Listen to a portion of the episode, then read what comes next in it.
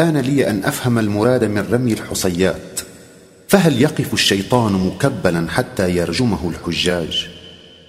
أي هل ترك الشيطان أماكنه من خمارات وملاهي ليلية وفواحش وكبائر وجيء به إلى هنا ليتلقى ضرب صغار البحصات؟ وهل هذه البحيصات ستقضي على الشيطان فلا فساد في الأرض بعد هذا الرجم؟ آه في الجواب على هذا السؤال أقول لا يظنن امرؤ أن الحاج إنما يرمي الشيطان فالشيطان لا يؤذيه مثل ذلك. وما هو ساعتئذ بمحجوز هناك؟ وما ذلك الرمي إلا إعلان عن شعور وتعبير عن حال نفسي ونسك يرمز إلى حقيقة تمثلت في نفس هذا الإنسان. وإليك بعض التفصيل لهذا النسك. لقد شهدت نفس هذا الإنسان المستنيرة بنور ربها بما تكرم الله به عليها في عرفات ورأت حقيقة الدنيا وما انطوت عليه شهواتها الدنية من أذى وشقاء. ولذلك تراه عندما يرمي الحصاة يقول بلسانه الله أكبر ونفسه تقول ما أكبر فضلك علي أيها الرب الكريم. لقد هديتني بهداك وتفضلت علي بمعرفتك وشرفت قلبي بحب رسولك ونبيك وأريتني مكائد الشيطان وحزبه وأنا أعلن معاداتي للشيطان وحزبه بما ألقي به من حصيات. إنه يرمي الحصاة ولسان حال النفس يقول هكذا عاديتك أيها الشيطان الرجيم وعاديت كل بعيد عن الله. فما لك علي بعد اليوم من سبيل؟ ذلك بعض ما ندركه من هذا النسك الذي علمنا إياه رسول الله صلى الله عليه وسلم في رمي الجمار. وذلك مما نفهمه من قوله صلى الله عليه وسلم عند الرمي إذ يقول بسم الله الله أكبر. رغما للشيطان وحزبه ورضاء للرحمن.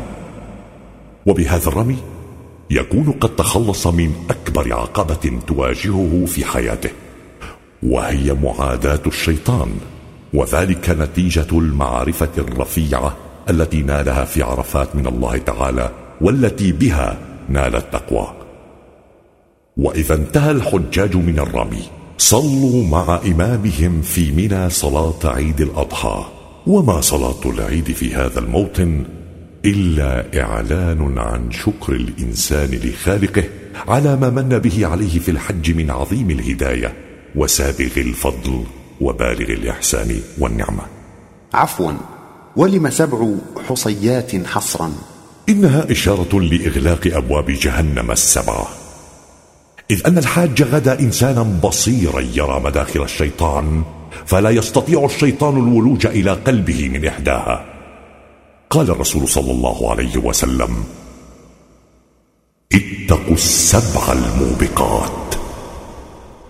بعد ذلك يذبح الحجاج الأضاحي في منى ومن بعد ذلك يحلقون رؤوسهم لما روي عنه صلى الله عليه وسلم أنه رمى ثم ذبح ثم دعا الحلاق.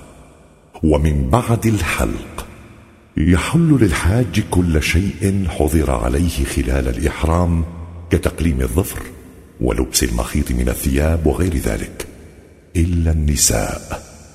ومما يشير إلى ذبح الأضاحي في الحج ما ورد في الآية الكريمة من قوله تعالى فمن تمتع بالعمرة إلى الحج فما استيسر من الهدي. ولم الذبح لتلك البهائم في تلك المناطق؟ أليست الأموال أفضل لأهل المنطقة؟ يذبح الحجاج الأضاحي في منى فهي بمثابة قربان لتكسب النفس ثقة بعملها فيتفضل عليها ربها قال تعالى لن ينال الله لحومها ولا دماؤها ولكن يناله التقوى منكم وكلما كان الهدي أعظم وأغلى ثمنا كان ثقة النفس بعملها أكبر. وكان إقبالها على الله تعالى أكثر. وبالتالي كان عطاؤه وتفضله على هذا الإنسان أكبر. والناس على درجات. قال تعالى ولكل درجات مما عملوا. ولا يجوز قطعا تغيير هذه الفريضة بإبدال ثمن البدن بالمال.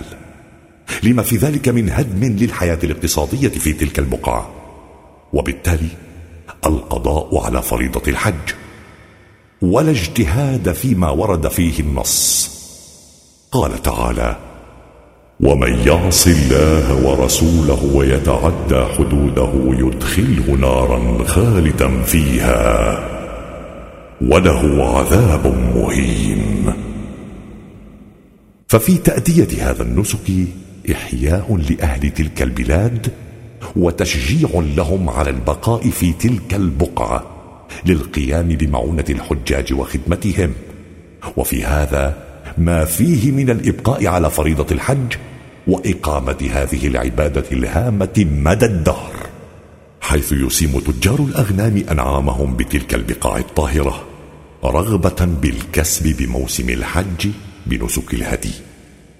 فيتأمل لأهل مكة وما حولها اللحوم والسمن والألبان ومشتقاتها طوال العام مما يمكنهم من سقاية الحاج وعمارة المسجد الحرام ويبقون لخدمة الحجاج بموسم الحج.